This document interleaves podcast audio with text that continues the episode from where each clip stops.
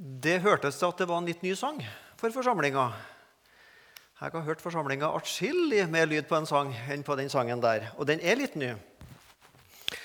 Denne faktisk, eh, Teksten er fra Svein Ellingsen tilbake så det er ikke lenger tilbake enn 1983. Det er jo en del år, men sånn sangmessig så er det ikke så veldig lenge. det. Så det er en litt ny sang. Og Den passer veldig godt til teksten i dag, for det handler om å rydde vei for Herren. Og så har du kanskje lagt merke til det at nå er det tredje søndag i advent. At første søndag i advent så er ofte teksten når Jesus rir inn i Jerusalem. Har du lagt merke til det? Og så har jeg tenkt det er jo en påsketekst. Jesus rir inn i Jerusalem på dette eselet. Hva har det med påske å gjøre? Nei, hva har det med eh, jul og hva har det med advent å gjøre? Men det handler altså om at Jesus kommer. Og Jesus kommer ridende inn i vårt liv og inn i verden. Sånn at eh, denne teksten som vi også eh, finner igjen her, altså Jesus som kommer inn ridende inn, det er også en adventstekst. Eh, det som er evangelieteksten for i dag, den har jeg valgt bort. Rett og slett fordi at jeg har lyst til å ta tak i en av sidetekstene som vi ikke så ofte preker om. Og det er fra Gammeltestamentet. Og så er det ofte sånn at Gammeltestamentet blir litt for sjelden tatt fram når vi preiker. Så tenkte jeg det har jeg lyst til å gjøre i dag. Så da blir det Jesaja 40 som vi skal preike over. Men før vi gjør det, så skal vi be sammen. Kjære Jesus Kristus. Vi takker deg for eh, denne nye dagen. Vi takker deg for muligheten til å samles i ditt navn. Vi takker deg for muligheten til å høre ditt ord og syng din pris. Få høre fra misjon, få gi evangeliet til barna på søndagsskolen, få være med i givertjenester, få ha kristent fellesskap. Takk, Herre, at du har lovt at der vi er samla i ditt navn, der vil du være midt iblant oss. Velsign det som skal skje videre her i ditt navn, Jesus. Amen.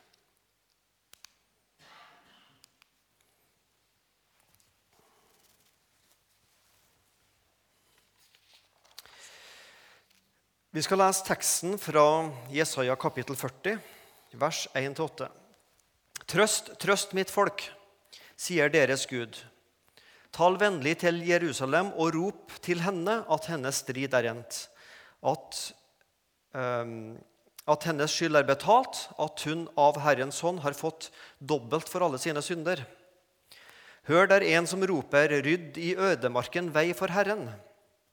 Gjør i ødemarken en jevn vei for vår Gud. Hver dal skal heves, og hvert fjell skal, og hver haug skal senkes, og det bakkete skal bli slette, og hamrene til flatt land. Herrens herlighet skal åpenbares, og alle mennesker skal se det, for Herrens munn har talt. Hør, det er en som sier 'forkynn', og en annen svarer 'Hva skal jeg forkynne?' Alle mennesker er som gress, og all dets herlighet som blomsten på marken. Gresset blir tørt, blomsten visner når Herrens ånde blåser på det. Ja, sannelig, folket er gress. Gresset blir tørt, blomsten visner, men vår Guds ord står fast til evig tid. Dette er jo en tekst som i utgangspunktet handler ingenting om jula sånn i seg sjøl. Da den første gangen ble talt, så var det jo en god del hundre år før jula også. Men det er altså en tekst som da er tatt med i advent. Og For å få litt julestemning over den så har jeg da lagt til en liten fin effekt her. Der kommer den. Var ikke den fin? kommer det en flott juleengel og drysser litt sånn julestemning på den teksten der. Da får vi liksom plassert den teksten inn i jula. Litt bibelkunnskap først. Jesaja-boka. Den består av 66 kapittel. Og Den har i alle fall to hoveddeler. Det er kapittel 1-39 og kapittel 40-66. Og Veldig kort oppsummert så kan vi si at kapittel 1-39 handler om Israel og Judas folkets synd. Det er mye om krig og dom, men du møter også enkelte håpstekster. Bl.a. i denne juleteksten at 'et barn er oss født, en sønn er oss gitt'. Så du møter noen sånne også frelsestekster i de 39 første kapitlene. Men mye dom og krig og straff. Fra kapittel 40 så, så vendes det litt om. Da kommer det inn en lys tone i Jesaja-boka. Da står det mye om frelse for folket, og Gud skal sende en tjener som skal frelse folket. Det er kort fortalt inndelinga av Jesaja-boka. Og Det interessante er jo at Jesaja-boka er på en måte en miniatyr av Bibelen. Fordi i Gammeltestamentet er 39 bøker. Og første delen av Jesaja er 39 kapittel. Og de Gammeltestamentet sine 39 bøker handler om dom, om loven, men også om håp. Og Nytestamentet 27 bøker tilsvarer de 27 kapitlene i siste del av Jesaja-boka. Nå er Herrens tjener her, som er kommet til frelse for oss. Så Det kan jo være en liten sånn huskeregel med Jesaja-boka i forhold til inndelinga av Bibelen. Den siste delen av Jesaja-boka, altså de 27 siste kapitlene, det handler om at Gud kan hjelpe et folk. Den historiske situasjonen var som følgende. Judafolket, israelsfolket, har blitt drevet i landflyktighet til Babylon. Og Der sitter de i 70 år. Iallfall de som satt der lengst, satt der i 70 år. Det er jo ikke sikkert de fikk være med på toget hjem, for de var kanskje allerede døde. da, Men 70 års fangenskap. Jerusalem ligger i ruiner. Folket er i en dyp fornedrelse. Herren, Gud, har straffa folket pga. folkets synd. Og folket føler seg glemt av Gud. Nå har Gud glemt oss. Men så møter vi i disse kapitlene at Gud han kan hjelpe. Gud ønsker å hjelpe. Gud vil helt sikkert hjelpe. Vi møter at Gud vil nå gjøre noe nytt. Jeg skaper noe nytt for dere. Et nytt håp for dere som sitter fornedra i Babylon. Se, jeg gjør noe nytt. Avgudene, gudebildene, den religionen dere prøver å ordne dere sjøl, det kan ikke hjelpe dere noen som verdens ting som helst. Det er kun Herren Gud som kan hjelpe. Vi møter i disse kapitlene det vi kaller en universalisme. Det var et litt fint ord for misjon. Vi møter at løftene om Guds frelse ikke bare gjelder israelsfolket, men gjelder også andre folk på jorda. Og så møter vi fire sanger for de las ikke bare, de sang jo mye av dette. Fire sanger om Herrens lidende tjener som skal komme til frelse for folket. Han som ble såra for våre misgjerninger, knust for oss. Dette møter du i siste del av Jesaja-boka. Nå skal vi gå gjennom disse åtte versene. Trøst og tilgivelse. Folkets situasjon de har blitt sendt til Babylon. De har blitt tatt til fanger og satt fanger der altså i 70 år på det meste pga. folkets synd. Gud hadde gjennom profetene advart dem hvis dere ikke vender om, så kommer dere til å bli sendt i landflyktighet til Babylon. Men dere ville ikke. Møter vi mye hos profetene, både Jesaja og ikke minst Jeremia. Men dere ville ikke. Folket ville ikke høre Guds ord og vende om. Og så kommer straffen, og de blir sendt til Babylon. For de tilba andre guder. Eller de tilba Herren Gud pluss andre guder. Det var ikke nok med Herren Gud. De må ta noe i tillegg. Du verden hvor lik folket den gangen er med folket i dag. De var vel prega av de tre store syndene som alle starter på H. Hor, hovmot, havesyke. Og Så kommer vi over til kapittel 40, og så møter vi det første ordet er ordet 'trøst'. Så slo jeg opp i bibelordboka mi på ordet 'trøst'. Og så så jeg det at I de 39 første kapitlene, altså i første del av Jesaja-boka, så er ordet 'trøst' to ganger. Men fra kapittel 40 til 66, altså i andre del, så telte jeg ordet 'trøst' eller verbet 'å trøste' 14 ganger. Så her kommer Gud med noe nytt til folket. Han kommer med trøst. Vi møter 'Jeg vil trøste', 'Herren skal trøste'. Trøst, trøst mitt folk. Og Så kunne det vært fristende for profeten i fangenskap å sitte med pekefingeren. Hva var det nå jeg sa? Nå kan dere ha det så godt. Nå ser dere, nå fikk jeg rett. Og så gjør han ikke det. Så kommer han med trøst.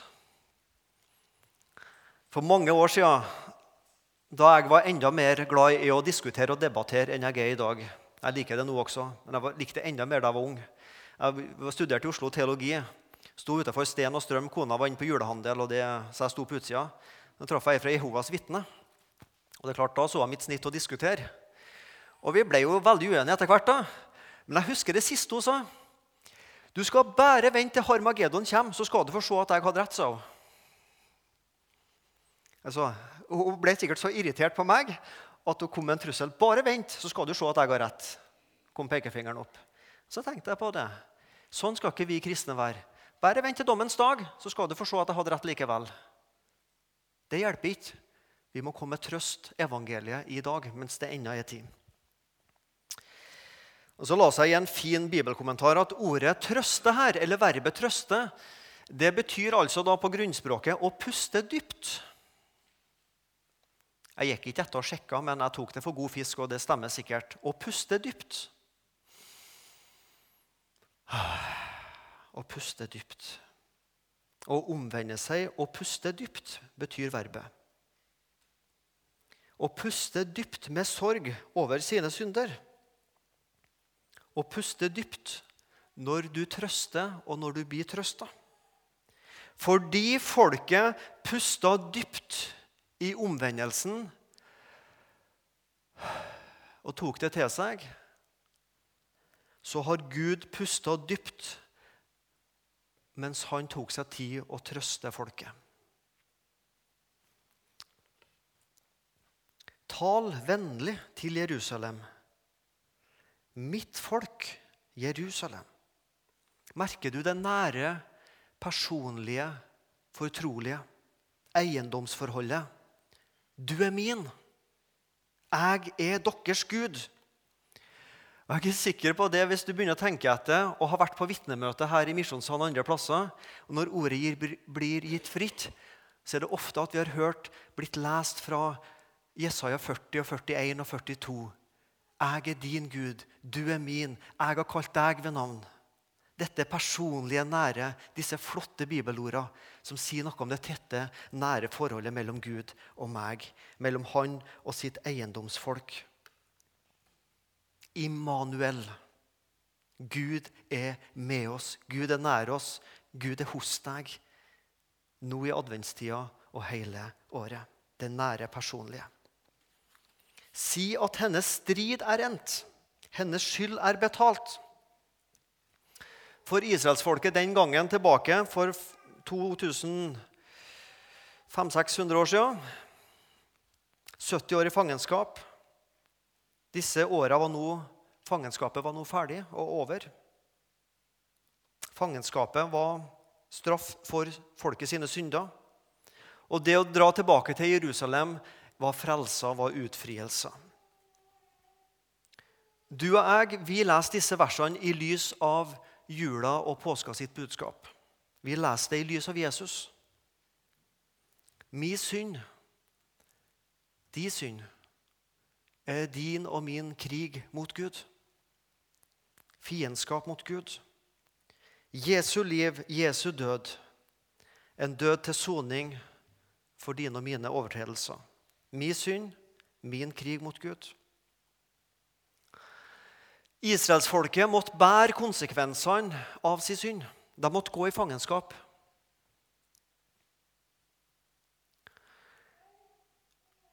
Jesus har båret konsekvensene for dine og mine synder. Hvis jeg tar imot det, og hvis jeg sier til Gud 'dette har jeg bruk for', så er det mitt. Så har Jesus båret mine konsekvenser, og Jesus har båret dine konsekvenser for dine synder. Hvis du ikke tror at Jesus har båret dem for deg, så må du en dag bære konsekvensen for dem sjøl. Din strid er endt, skylda er betalt. Hvor herlig å lese disse versene i lys av Jesus. Dobbelt for alle sine synder. I uka som gikk, så var jeg sammen med en som går her i Misjonssalen. Jeg skal ikke si navnet på hvem det er, men han sitter i hovedstyret i Misjonssambandet. Vi var på Holmavatn på, på, et kurs. Så skulle jeg introdusere han for en annen person. Så sier jeg til han andre personen han her han er en enkel synder. sa jeg.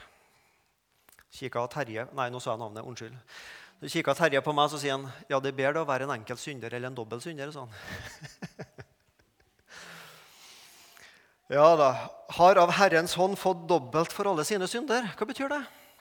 Å få dobbelt opp.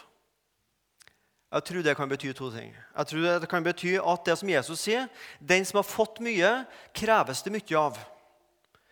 Israelsfolket hadde fått loven, paktene, tempelet Tenk alt de har fått. Og så likevel så går de bort fra Herren. Ei dobbel straff. Men det kan også bety å få dobbelt igjen. Først så fikk du straff, og så fikk du tilgivelse. Jeg syns begge forklaringene er gode, så har ingen grunn til å sette dem opp mot hverandre. Først straff, så frelse. Men det skal vi også huske, at vi som har fått mye og blitt betrodd mye, av oss skal det kreves mye. Vers 3-5. Herren kommer. Hør, det er en som roper, rydd i ødemarken vei for Herren. Gjør i ødemarken en jevn vei for vår Gud. Det var slik i antikken at når de visste at kongen eller herskeren skulle komme, så sendte de ut folk på forhånd gjerne flere uker på forhånd for å sjekke veiene. Og Der det var litt humper og dumper, så ringte de til Vegvesenet og fikk noen asfaltmaskiner som kom og laga fine veier. Eller det som da var datidens vegvesen. Rette ut svinger, fylle i humper og dumper og ordne og fikse ting. Jevne ut. Fjern hindringene, for nå kommer kongen. Barack Obama var i Oslo, og utafor Grand Hotel så hadde de altså på fortauskanten ned til veien så hadde de altså lagt asfalt, sånn at bilene i en, i en gitt situasjon kunne veldig fort kjøre vekk derifra. Så måtte de slette ut sånne små humper. Såpass nøye var det. Og sikkert enda nøyere var det i antikken, når kongen skulle komme. Og Så leser israelsfolket dette. Nå er vi mange hundre år tilbake. Nesten 3000 år tilbake. Og så betyr det konkret fra Babylon tilbake til Israel, til Jerusalem, så skal det legges en vei der folket skal gå tilbake når de skal tilbake til landet sitt. Konkret lages en vei å gå på. Men også i overført betydning så skal det legges en frelsesvei fra fangenskapet i Babylon til frelsa i Jerusalem. Guds vei, en frelsesvei. Noen gikk foran og rydda veien. Noen gikk foran og beredt hjertene, slik at når folket bokstavelig talt gikk fra Babylon til Jerusalem, så gikk de også med et fritt hjerte. Ikke bare frie borgere, men også et fritt hjerte. Og Disse versene kan vi jo umulig lese uten å tenke på døperen Johannes. Som det står skrevet hos profeten Jesaja, se, jeg sender min budbærer foran deg, han skal rydde din vei. Det er en røst av en som roper i ødemarken, rydd vei, gjør hans stier rette. Slik sto døperen Johannes fram i ørkenlandet og forkynte omvendelsens ståp til syndenes forlatelse. Døperen Johannes var en som gikk foran og bereda veien og gjorde hjertene klar til Jesus, kongen, kom. Slik er dette en adventstekst. Du møter den i advent for at ditt og mitt hjerte skal være beredt til kongen kommer julaften. Noen må gå foran og forkynne ordet, slik at vi er beredt. Vers 6-8. Hva trenger vi å høre? Forkynn. En annen svarer, hva skal jeg forkynne? Forkynn. Hva skal jeg forkynne? Hva er det mennesket trenger å høre forkynt? Hva er det du og jeg trenger å høre forkynt? Hva er det mennesket ønsker å høre forkynt? Ja, Det avhenger nok av i hvor mye vi har hørt Guds ord. Men hva ligger det i menneskenaturen? Hva er det menneskenaturen liker å høre forkynt? Jeg prøvde å tenke litt på det. Det kan godt hende jeg bommer på noe av det jeg sier nå.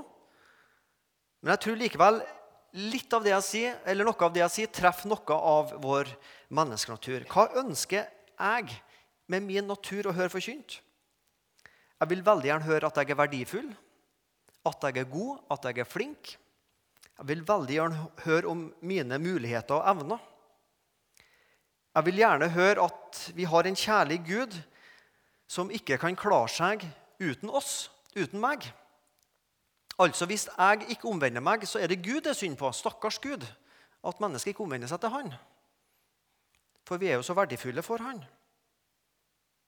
Og så ligger det i oss mennesker at vi, ikke, vi vil høre at vi ikke trenger å forandre på noe i livet vårt.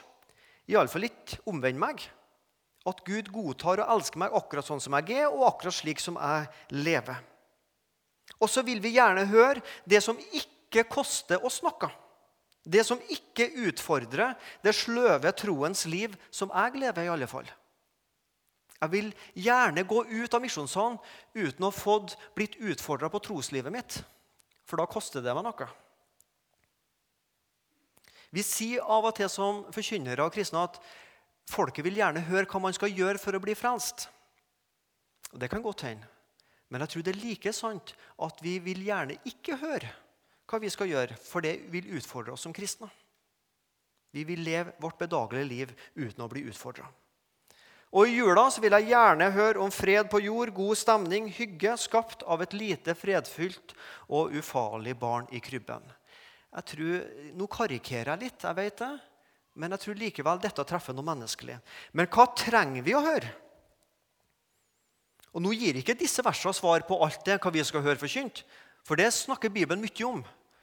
Men hvis vi nå tar disse versene og spør hva trenger vi å høre, ikke ønsker å høre, men trenger å høre, så er det et litt annet budskap. Alle mennesker er som gress. All dets herlighet som blomsten på marken. Gresset blir tørt, blomsten visner når Herrens ånde blåser på det. Ja, sannelig, folket er som gress. Gresset blir tørt, blomsten visner. Syns du det var et lystig budskap å gå med? Ja, jeg gikk i misjonssalen i dag og så fikk jeg høre at jeg var som gress. Gresset blomstrer litt, og så dør det, og så var det ferdig. Det var ikke mye med det. Forgjengelig. Vi dør. Vi er en liten skapning. Vi er uten herlighet. Av jord er du kommet, til jord skal du bli, skal vi en dag høre. Jakob 4, 14. Dere som ikke kjenner morgendagen, for hva er vel deres liv? Dere er jo bare en røk som viser seg en liten stund, og så er borte. Som gress. Blomstrer litt, og så visner. Som en røk, så var det borte. Det er deg og meg.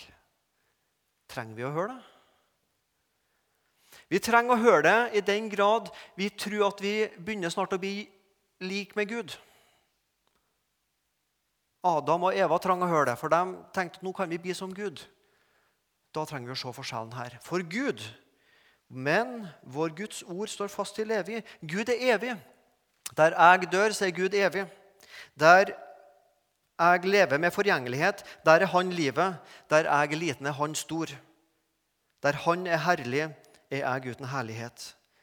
Der det en dag skal sies over mitt liv, av jord er du kommet, til jord skal du bli, så kan vi godt si om Gud, av himmelen er du, av himmelen skal du bli, til evig tid.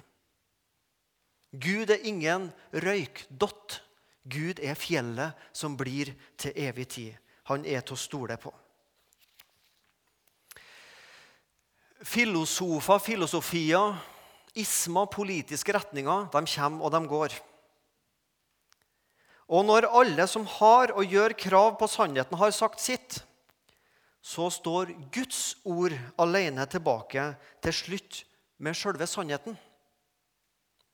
Bibelen har, ja, ikke bare har, men Bibelen er sannheten.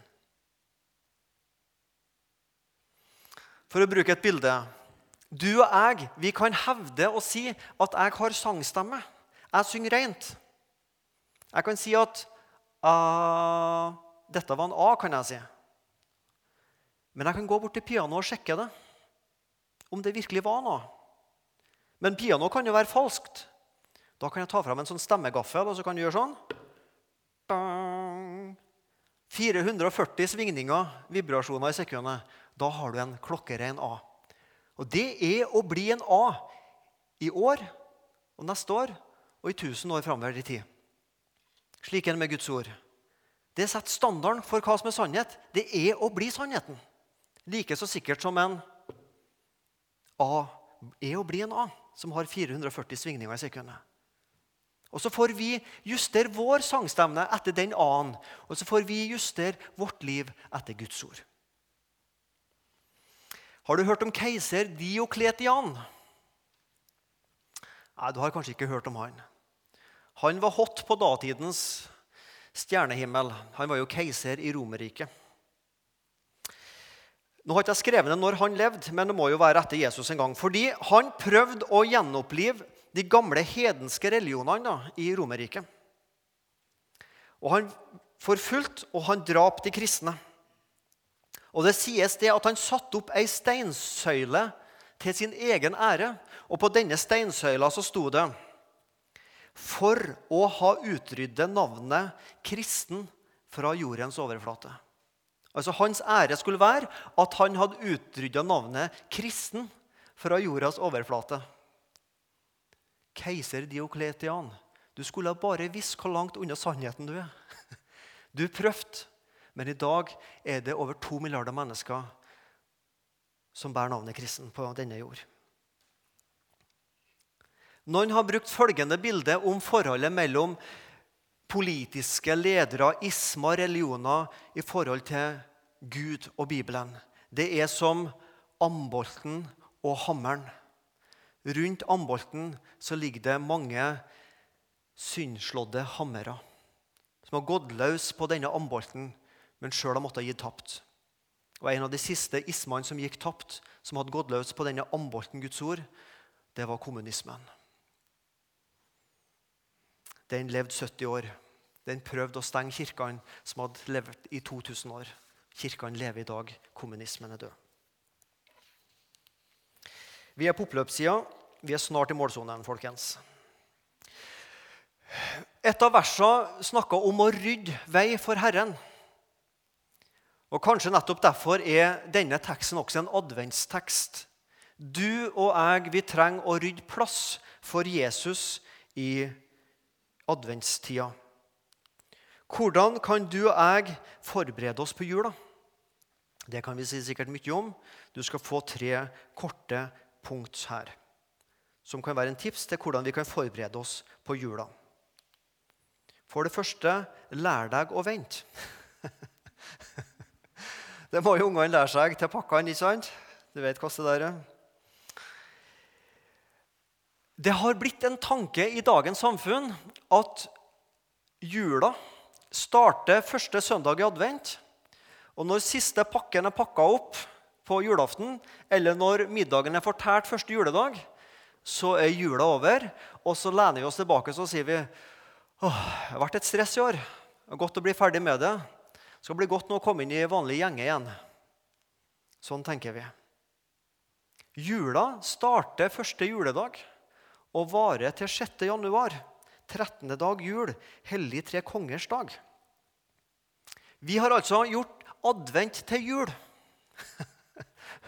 og den virkelige kristne jula, da, da, slapper vi av etter et hektisk stressa adventstid.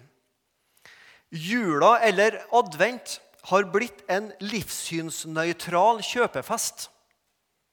Hver av oss som sitter her, vi bruker i snitt 2500 kroner i presanger. Det er tre ganger mer enn i Sverige. Rett før jul, De siste dagene før jul så er det ca. 200 korttransaksjoner per sekund. Det skal bli 700 000 i timen. Og Hvis hver korttransaksjon drar 150 kroner, som jeg tror er et forholdsvis lavt tall, så skal det bli ca. 1 milliard på ti timer. På kjøpesenteret Kvadrat så har de åpent til klokka 24, og du går i kø verre enn Aker Brygge på en varm sommerdag. Vi har Julegata, vi har Juleby. Julebyen Egersund, kjent over hele verden, iallfall i Rogaland. Juletallerken på kafeene, julekonserter fra slutten av november, julebakst må være ferdig til 12. desember, som var i går. Ellers så kommer Lossi og tar deg, som de sier i Egersund. Juletreet tennes første søndag i advent, og vi som misjonsfolk har julemessa snart fra starten av november. Og En prest skrev altså et veldig interessant og leseverdig innlegg i Vårt Land her for en par år siden, og Han sa det på følgende måte.: Nordmenn er i ferd med å drukne i juleøl og julefette på alle julebordene i adventstida. Og det før den egentlige festen har starta. Ikke rart vi er utkjørt når julekvelden er her poeng. Vi har tømt advent for forventninger, fasen og hjerter som gjøres beredt til kongens komme. Vi har mista fokuset på julas budskap fordi vi ser på alt rundt selve jula, rammen i stedet for innholdet. Vi mister Kristusfesten fordi vi har prøvd å ta alt på forskudd. Og så blir vi kristne med på lasset. Så skal jula tas på forskudd, Så smaker vi på julemiddagen på forskudd, så tar vi helga på forskudd, og så tar folk ekteskapet på forskudd, og så tar man til slutt himmelen på forskudd. Og så tror man sånn er normalt å leve og ta ting på forskudd. Lær oss å vente. Ta tida tilbake. Ta deg god tid. Den sørligste kommunen i Rogaland, Sokndal, har et slagord 'Sitta slow'. Den rolige byen. Det har vi ledd mye av nede i dalene. Men eh, vi trenger å roe ned. Vi var på Holmavatn på kurs uka her. Og Der hadde vi besøk av han innantil. Han har dere kjent til. Torolf Nordbø. Han har jo mange artige, morsomme historier. Og Nå gir jeg meg ut på et C-moment og prøver å etterape Indre Erfjord. Nå har vi en person her i salen som kjenner den dialekta veldig godt. som sikkert vil le av meg, men Han hadde altså da følgende historie. Turistene var kommet til bygda. Turistene. De måtte jo ha flere bein og stå på Indre Erfjord. Så nå var det kommet turistene. Så en dag så gikk han ned på kaien, og der var turistene. Og så spurte en turister meg, sa han innantil. Unnskyld, men eh, kan De fortelle meg raskeste veien fra Erfjord til Sand? Da svarte jeg ja, det kommer an på det om du kjører bil eller om du går det. Ja, selvfølgelig kjører jeg bil, svarte turistene. Da sa jeg ja, nettopp, ja. Det er raskest. Det er raskest. Og Sånn kan det også bli i livet. Vi er alltid ute etter den raskeste veien. Og så mister vi opplevelser. Sånn er det med meg. Og så rasker vi oss gjennom hele advent på vei til jul. Og så mister vi forventninger. Vi mister det å være undringer, det å være underveis. Lær deg å vente. Punkt to bli som barn igjen. Jula er for barna, sier vi voksne. Mener vi virkelig med det at vi er blitt for gamle til å feire fødselen til vår Herre Jesus Kristus? Nei, ja, jula er for barna, men sannelig for voksne og eldre med også. Du må bli født på ny, sa Jesus.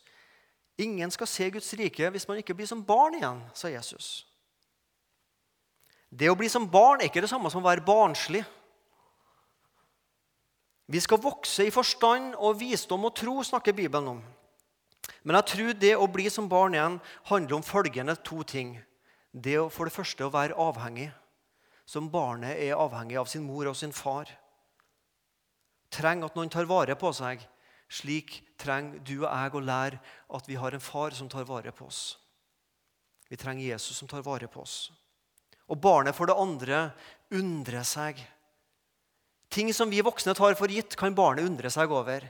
Vi kan bibelhistoriene, men barnet lytter til bibelhistoriene. 'Å, fortell det en gang til, pappa!' 'Å, det var så spennende.' Og så hører vi det også. Ja, kan det. Nei, det der var kjent. Det der har vi hørt før. Lær oss å undre oss. Stoppe opp, ta tida tilbake, lese og undre seg. Og for det tredje og for det siste hvordan kan vi forberede oss til jula? Lær deg å gjenoppdage velsignelsen ved å gi. Apostlenes gjerninger 2035. For vi minnes de ord Herren Jesus selv sa. Det er saligere Skal vi si det sammen? Det er saligere å gi enn å få. Det er saligere å gi enn å ta imot. Jeg må jo bare si menneskelig talt, jeg syns det er mye kjekkere å få enn å gi. jeg. Syns det. Syns det er mye kjekkere hvis noen gir meg en gave eller hvis jeg skal gi til dem. Det er sånn jeg er skrudd sammen. Dere kan kanskje lese om sånne mennesker i avis av og til, men jeg er også en av dem som har det sånn. Syns det er kjekkere å få enn å gi. Og så sier Jesus nei. I Guds rike er det kjekkere å gi enn å få. Lær deg å gi. Ja, men det gjør vi jo i jula, sier vi. Da gir vi jo julegaver. Gjør du det? Gir vi virkelig julegaver? Ja, det tror jeg. Men jeg tror mange av oss også vi gir ikke julegaver, vi utveksler julegaver. Føler, føler sånn, eh, fører sånn regnskap. 150 kroner, ja. Da skal jeg kjøpe også noe til 150. Det, det er likhetsprinsippet. Der får jeg noe til 150, så skal jeg gi noe til 150 kroner tilbake. Der er kona jeg helt enig. Likhetsprinsippet. Hvis vi får noe fra våre søsken og tante og onkler, og sånn, så skal vi gi lik tilbake. Der er vi helt enige, kona og jeg. Vi har litt forskjellig begrunnelse. Hun sier, mens hun sier ja, vi, vi må iallfall ikke gi mindre. Så sier jeg ja, vi må iallfall ikke gi mer. Men likt skal det være. Vi utveksler. Men, vi kan aldri utveksle mot Gud. Ja, Gud hadde gitt oss så mye, så da skal vi gi Han så mye tilbake. Gud er den som gir. Og Det la oss jo Kårian her, fra Johannes 3, 16. Guds gave. Gud elsker å gi, og Gud ønsker at hans barn skal lære å gi tilbake. Hvordan kan du og jeg forberede oss på jula? Lær oss å vente, ikke ta alt på forskudd. Bli som barn igjen, med avhengighet og undring, og gjenoppdag velsignelser ved å gi. Kjære Jesus, takk for adventstida. Får du tilgi meg min hasting gjennom adventstida min travelhet, tankene mine om pakker og julepost og alle ting. Tilgi meg at jeg så lett glemmer deg oppi dette. Må du stelle med våre hjerter, må du berede grunnen i våre hjerter. Må du mjuke opp, sånn at du får en kongevei inn til våre hjerter i denne jula, Jesus. Amen.